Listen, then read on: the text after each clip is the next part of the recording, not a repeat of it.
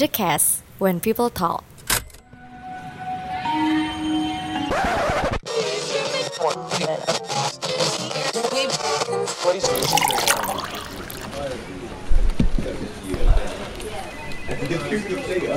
Saya Luis Adiputra. Anda sedang mendengarkan The Cast. Saya Luis Adiputra dan Anda sedang mendengarkan The Cast. Untuk kesempatan kali ini kita akan membahas sesuatu yang lebih serius. Mungkin biasanya kita lebih membahas ya pembicaraan yang tidak jelas, tidak penting. Tapi di kesempatan kali ini kita mendapatkan seorang yang penting pastinya. Beliau adalah seorang pengajar di Fakultas Hukum Hasanuddin, Profesor Dr. Ahmadi Miru SHMH. Terima kasih sudah meluangkan waktu Anda di malam hari ini, Prof. Ya, eh, kalau boleh dibilang kan eh, Prof mengajar aktif nih di Universitas Hasanuddin. Selain mengajar, apa saja sih kesibukannya, Prof? Ya kesibukan selain mengajar ya di kantor sebagai ketua SPI sekarang ini. Ketua SPI sekarang ya, Iya, Prof. iya. Tapi kan masih berkecimpung di Unhas juga. Iya, Kalau di luar Unhas, tidak adakah kesibukan lain? paling juga dipanggil jadi saksi ahli. Oh iya, saksi ahli. Ngomongin soal saksi ahli, ya kita jangan bahas dulu deh. Masih masih terlalu dekat dengan yang sedang sibuk ini. nah, Prof sendiri kan eh, sudah berapa tahun ya, Prof, berkecimpung di dunia akademik? Sejak 86, Sejak tahun jadi 33 tahun lebih. Wah, 33 tahun lebih, Prof. Berarti sejak bagaimana sih awal karir di akademik, Prof? Ya saya kan waktu mahasiswa dulu itu eh, di fakultas ya, Iya. mahasiswa teladan. Mm-mm. Ya, teladan dua begitu. Setelahnya ya tamat sebelum wisuda ya mendaftar jadi dosen. Oh, sudah langsung arahnya ke sana, Prof. Iya. Jadi Prof sendiri dari waktu kuliah sudah sudah bercita-cita untuk menjadi dosen. Sebenarnya tidak. Sebenarnya Ya sebenarnya tidak. Walaupun itu saya suka ya. Gini, Uh-uh. Ketika saya dulu mau masuk S1, fakultas favorit itu Fakultas Teknik dan Pertanian. Tahun berarti tahun berapa itu, Prof? Tahun 79. 79. Nah, 79 itu saya mendaftar teknik pertanian. Dan lulus. Hmm. Jadi 79 saya mendaftar lagi di IKIP teknik. Ikip teknik lagi. Lulus. Heeh. Tahun kedua mau mendaftar teknik lagi. Teknik lagi. Tapi kebetulan bersamaan kalau saya tidak salah waktu itu acara ujian di IKIP Ha-ha. dengan tes. Nah, jadi saya pindah pindah jurusan. Pindah jurusan. Pilih hukum. Hmm. Jadinya pilih hukum. Padahal awalnya kejarnya teknik ini, Prof. Iya teknik. Dulu kan favorit teknik seperti kedokteran sekarang ini. Iya, betul juga sih. Jadi akhirnya Prof memutuskan untuk masuk Fakultas Hukum. Akhirnya belajar di Fakultas Hukum, jatuh cinta dengan hukum sendiri Iya. dan sekarang menjadi pengajar di Universitas Hasanuddin ya, Prof. Iya. Wah, jadi awalnya pernah awal awal kuliah itu atau mungkin waktu remaja itu pernah membayangkan bahwa sekarang akan menjadi dosen? Tidak. Tidak pernah Tidak terbayang. pernah ya? terbayangkan. Saya kan dulu ya kuliah di IKIP. Kalau saya mau jadi guru, ya terus saja. Jadi guru juga ya. Hmm. Betul juga ya. Tapi apa yang membuat Prof sendiri merasa di sini panggilannya? Dosen itu adalah panggilan dan menyenangkan. Nggak tahu, tapi memang saya suka berbagi. Ya ketika dulu juga sebelum jadi dosen, saya suka ngajar-ngajar orang. Jadi menurut saya sih Prof, kalau berbagi yang paling mulia itu adalah berbagi ilmu. Iya, Karena uang akan habis, iya. ilmu akan terus dipakai. Oke. Betul. Nah, jadi kalau Prof sendiri pernah tidak terbayang juga untuk kan profesi hukum itu banyak sekali selain Iya, di iya. dunia akademik kita bisa jadi pengacara, bisa jadi jaksa, bisa jadi hakim. Tidak pernah terbayang. Nggak pernah. Saya nggak pernah tes jadi hakim. Sekarang pun sering ditawari menjadi hakim agung, saya nolak. Biasa kaya orang kaya minta agar saya mendaftar atau KPK. Saya belum tertarik. Ini Belum ini tertarik. saja masih ditawari oleh teman mendaftar KPK, cuma belum belum. Saya nggak tahu kalau nanti. Oh iya, belum belum ada panggilannya ke sana ya. Iya belum. Saya terus terang masih sangat suka jadi dosen. Masih sangat Iya, suka masih sangat suka. dosen. Kalau Prof sendiri kan mulai dari S1 berarti lulus S1 sudah mulai mengajar ya, Iya Prof. iya. Kemudian ambil S2 lagi, magister S2, lagi. iya. Tahun Baru 90. Tahun 90-an ya, Prof. Ya, S2 itu kalau saya tidak salah ingat, saya tercepat kedua selesai seluruh pasca di UNER. Wih, tercepat. Berapa lama itu, Prof? Satu tahun atau satu tahun berapa bulan itu? Satu tahun berapa bulan? Kita aja sudah berapa lama ya? nah, kalau eh, tercepat waktu itu kemudian kembali lagi ke Unhas Iya, untuk mengajar mengabdi, karena mengajar memang lagi. kan sudah mengajar baru baru kuliah lagi. Nah, kemudian melanjutkan lagi ya ke S3, Prof. Iya. Ke doktor. Jadi kalau boleh tahu kan hukum ini kan sangat luas, Prof. Hmm. Mulai dari pidana, perdata, eh, tata negara dan lain-lain. Hmm. Fokusnya Prof di bidang apa, Prof? Hukum keperdataan. Keperdataan.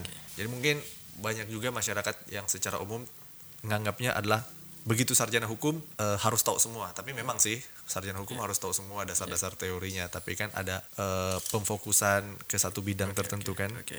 Kalau menurut Prof sendiri eh, bidang-bidang yang paling favorit saat ini dari bidang hukum sendiri ini Kalau yang saya tekuni ya hukum kontrak dan perlindungan konsumen. kalau yang untuk Prof sendiri adalah itu yang paling favorit ya. Iya. Kalau Prof lihat di mahasiswa yang sekarang, mahasiswa baru sarjana eh, untuk S1 nih Prof. Iya. Menurut Prof, kira-kira mereka lebih banyak ke mana nih Prof? Eh, tergantung di universitas mana.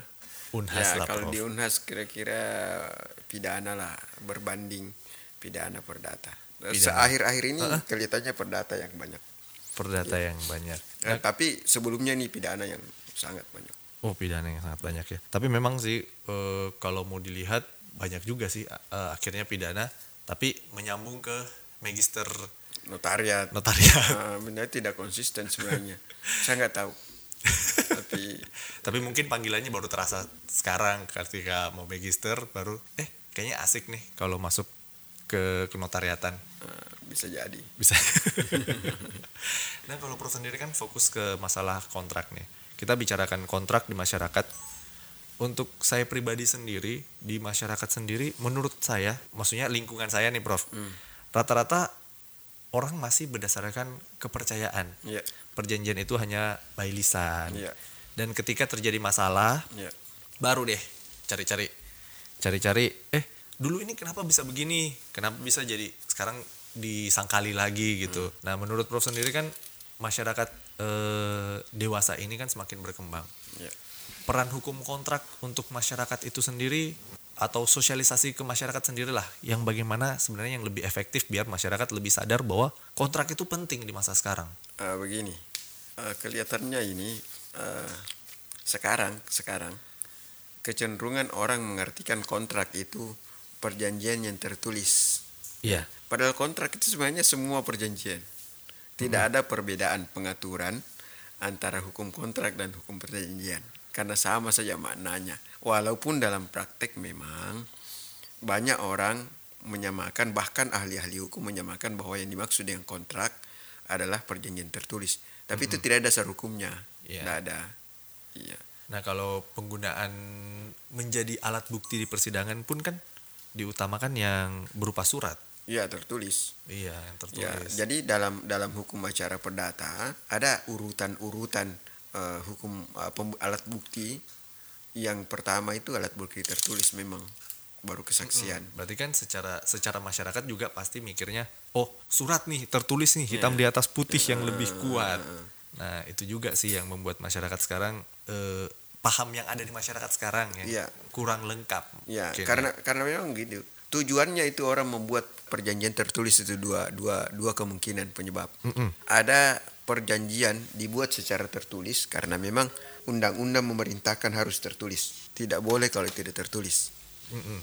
Itu namanya perjanjian formal. Kemudian ada juga perjanjian dibuat tertulis atas kehendak para pihak. Ya tentu dipersiapkan sebagai alat bukti di kemudian hari apabila terjadi sengketa Ya tujuannya untuk pembuktian nanti. pembuktian. Tapi itu kesukarelaan atau kehendak sendiri bukan perintah undang-undang. Kalau perjanjian formal memang perintah undang-undang harus dibuat tertulis.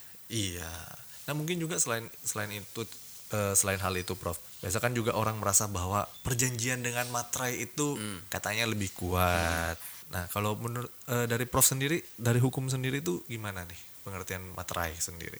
Tidak ada ketentuan hukum yang menyatakan lebih kuat. Ya, tapi memang ketika mau dijadikan alat bukti harus dipakaikan materai. Berarti itu persyaratan dari pengadilan. Iya, iya. Jadi pun ketika ditandatangan tidak tidak di atas materai sebenarnya masih bisa di apa istilahnya diberikan materai tera Iya, untuk proses pembuktian di Iya. pengadilan nanti ya, Prof. iya. Nah, jadi ya banyak sih eh, pengertian-pengertian masyarakat awam yang kadang-kadang juga kalau ditinjau dari hukum masih kurang, perlu dilengkapi lagi. Ya kalau umumnya sih seperti itu. Oh iya, bukannya Prof juga punya channel YouTube ya, Prof, untuk memberikan sosialisasi Nggak aktif. Oh, nggak aktif ya, Bro. Nggak aktif. Nah sebenarnya itu adalah salah satu hal yang sangat eh, positif juga, biar bisa memberikan eh, pengetahuan kepada masyarakat umum, bukan cuman sekedar eh, mereka yang sedang studi hukum, Prof. Jadi masyarakat umum juga bisa belajar lagi, karena kadang-kadang kan ilmu yang mereka dapatkan, pengetahuan yang mereka dapatkan hanya dari hasil Google, baca artikel, tidak lengkap prakteknya. Jadi kadang-kadang ya banyak yang dibilang sotak begitu kerjain sesuatu melakukan sesuatu seolah-olah sudah mengerti eh ternyata belum. Akhirnya ketika mereka melakukan sesuatu itu jadi jadi bermasalah gitu. Nah kalau untuk hukum kontrak sendiri kan cukup luas juga prof. Iya. Eh, kembali bahwa ketika seseorang itu membuat kontrak apa saja sih yang harus diperhatikan? Seumpamanya saya mau beli eh mau sewa rumah nih prof. Apa-apa sih yang perlu diperhatikan? Ya, kalau sewa rumah tentu apakah orang yang membuat kontrak itu betul-betul ke- punya kewenangan untuk membuat kontrak? yang betul-betul punyanya Iya, iya. Karena ini kan begini. Yang selalu orang perhatikan dalam kontrak itu syarat keabsahan. Saya cakap, ya kan? Tapi kan ada orang cakap membuat perjanjian tapi pada dasarnya dia tidak punya kewenangan karena dia tidak berhak berbuat bebas atas barang yang jadi objek itu.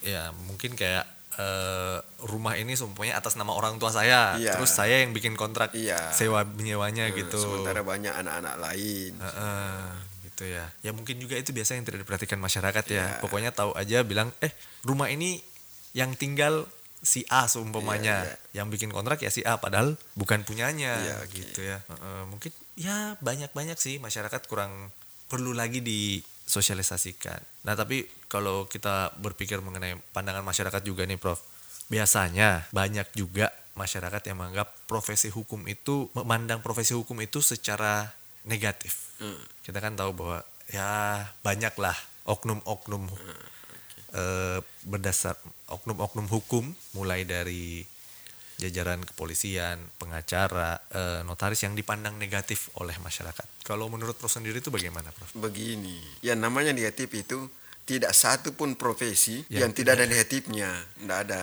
Cuma sekarang hukum ini terkenal karena memang eh, dia pemegang kendali penegakan hukum, jadi salah sedikit disoroti kan gitu. Yang lain-lain juga banyak curangnya itu. Iya, jadi profesi apa pun bisa. Dosen juga bisa curang. Iya. Dosen bisa. Dokter bisa. Heeh. Semua profesi ada ada tidak baiknya, ada baiknya. Cuma ya ada yang terpublikasi keburukannya, ada tidak begitu. Iya ya, memang juga sih. Tapi seolah-olah eh, memang eh, profesi hukum ini adalah artisnya. Hmm.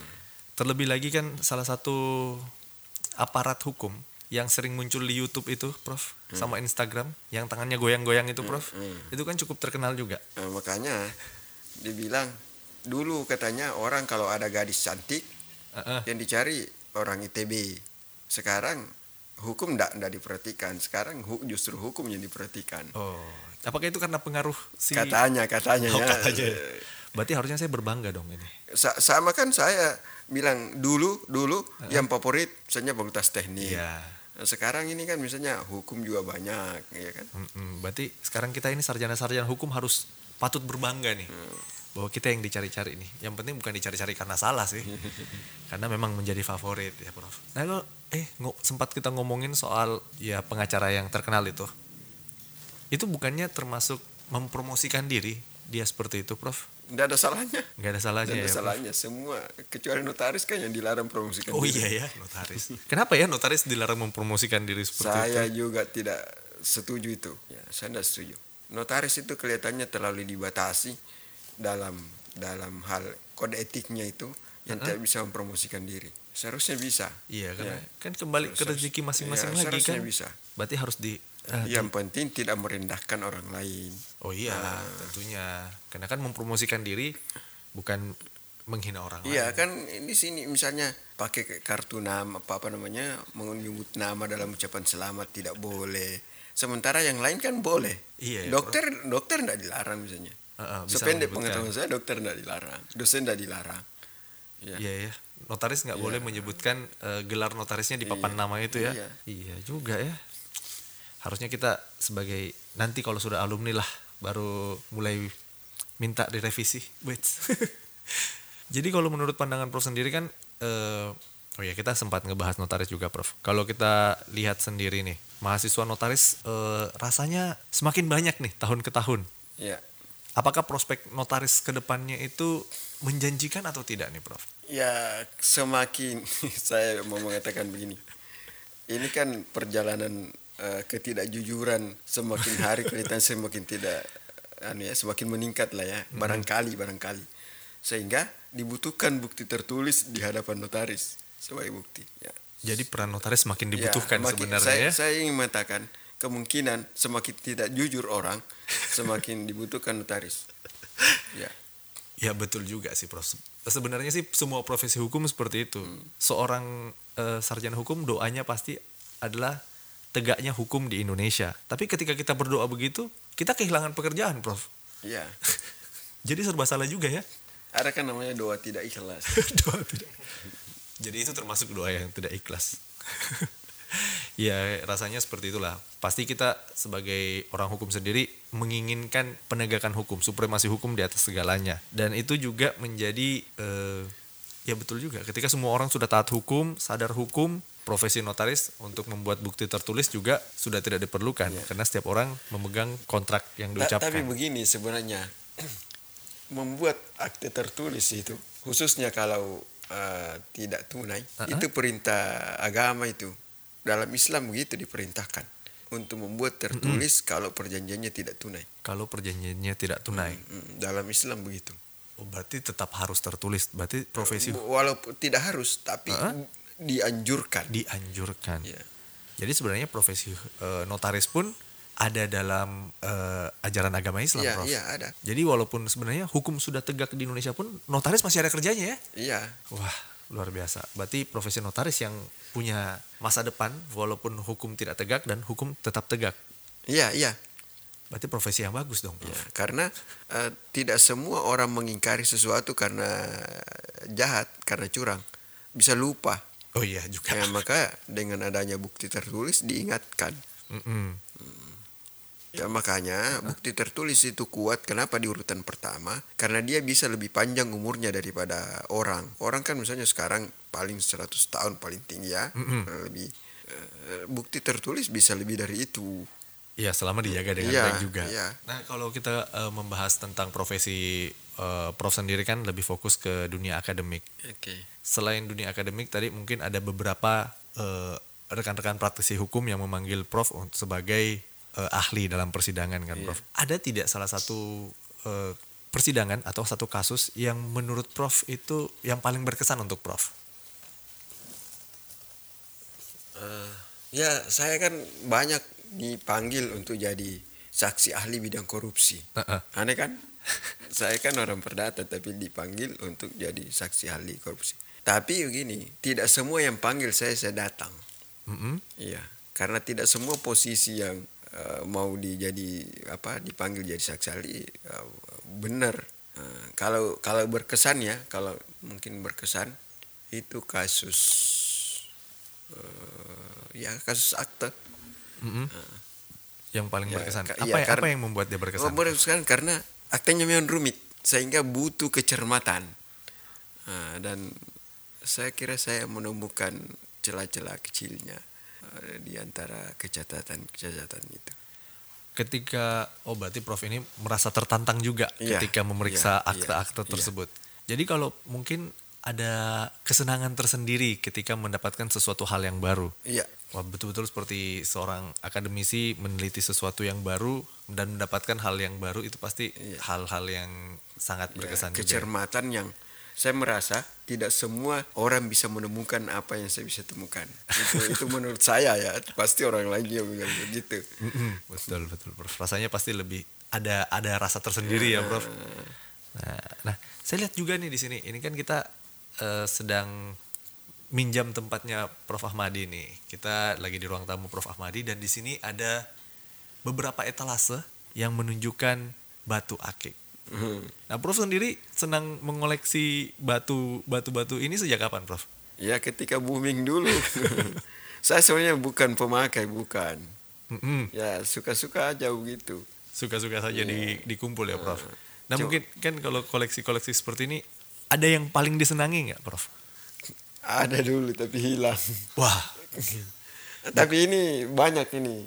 Ada dari Jepang, ada dari Turki. Ya. wah kalau dari, begitu dari hampir seluruh Indonesia ini. kalau begitu yang di di sana ini yang paling disenangi yang mana nih, Prof? Yang paling saya senang itu yang hilang. Itu Ya. bukannya tersangkanya di sini, Prof? kalau begitu yang yang ada aja, Prof. Yang sekarang ada ini yang mana yang paling disenangi? Nggak, nggak ada yang begitu. Nggak ada yang saya- begitu ya, kecuali ya. yang hilang itu. Kecuali Dan yang itu hilang. itu lokal. Wah, Lokal. apa yang membuat itu istimewa sekali, Prof? Jarang Jarang didapat. Batu apa itu, Prof? dari Sopeng. Uh-uh. Namanya Tampani, tapi warnanya merah, yang pada umumnya putih. Wah, jadi dia memang lain dari kelasnya sendiri itu.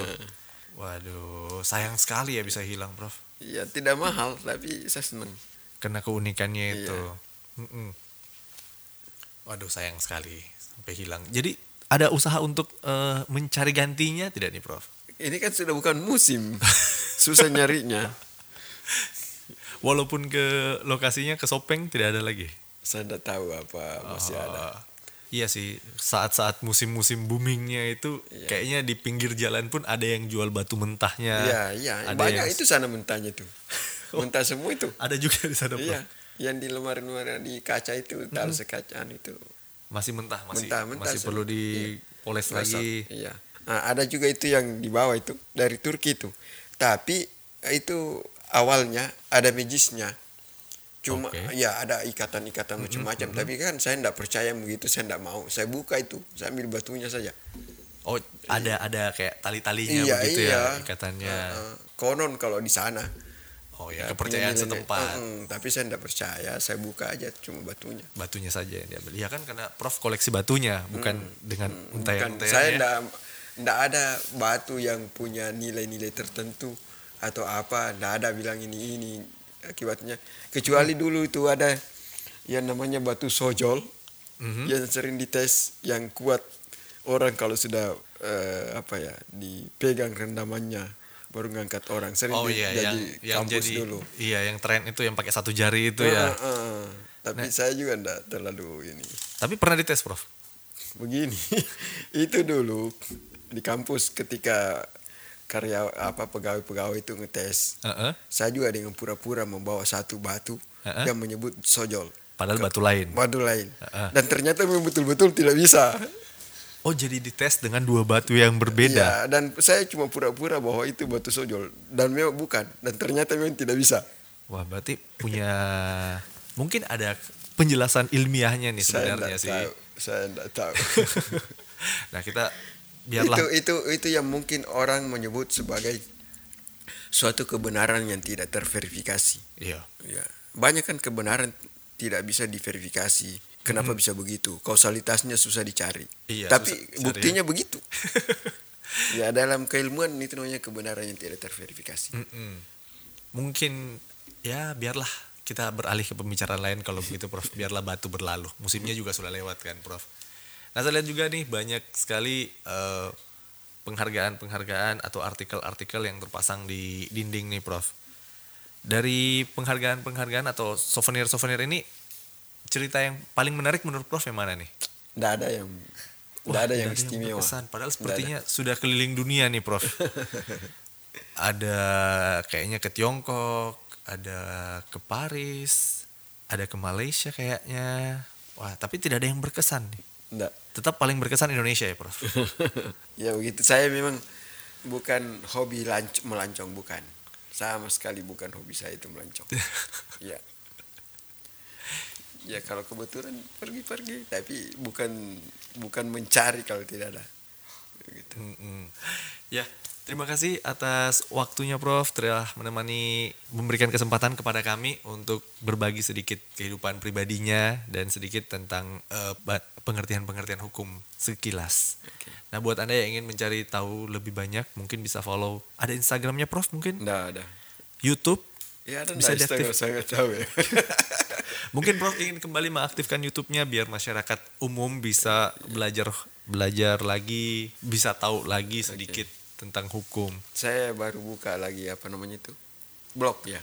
Oh buka blog. Nah bisa juga tuh dipromosikan Prof. Alamatnya, alamat blognya apa Prof? Karena baru baru baru baru. Baru diaktifkan lagi ya blognya. Nah jadi buat pendengar juga mungkin yang ingin mencari tahu lebih banyak eh, seputar hukum bisa search nanti eh, di blognya Prof Ahmadi bisa langsung dicari. Channel YouTube-nya juga bisa dicari. Tinggal di search Ahmadi Miru. Iya. Nah, terima kasih sudah mendengarkan The Cast untuk hari ini. Buat Anda yang ingin mencari kami, bisa cari kami melalui Instagram at thecast.id. Selain itu bisa juga melalui Anchor dan Spotify. Search saja The Cast. D-E-C-A-S-T. Terima kasih sudah mendengarkan The Cast.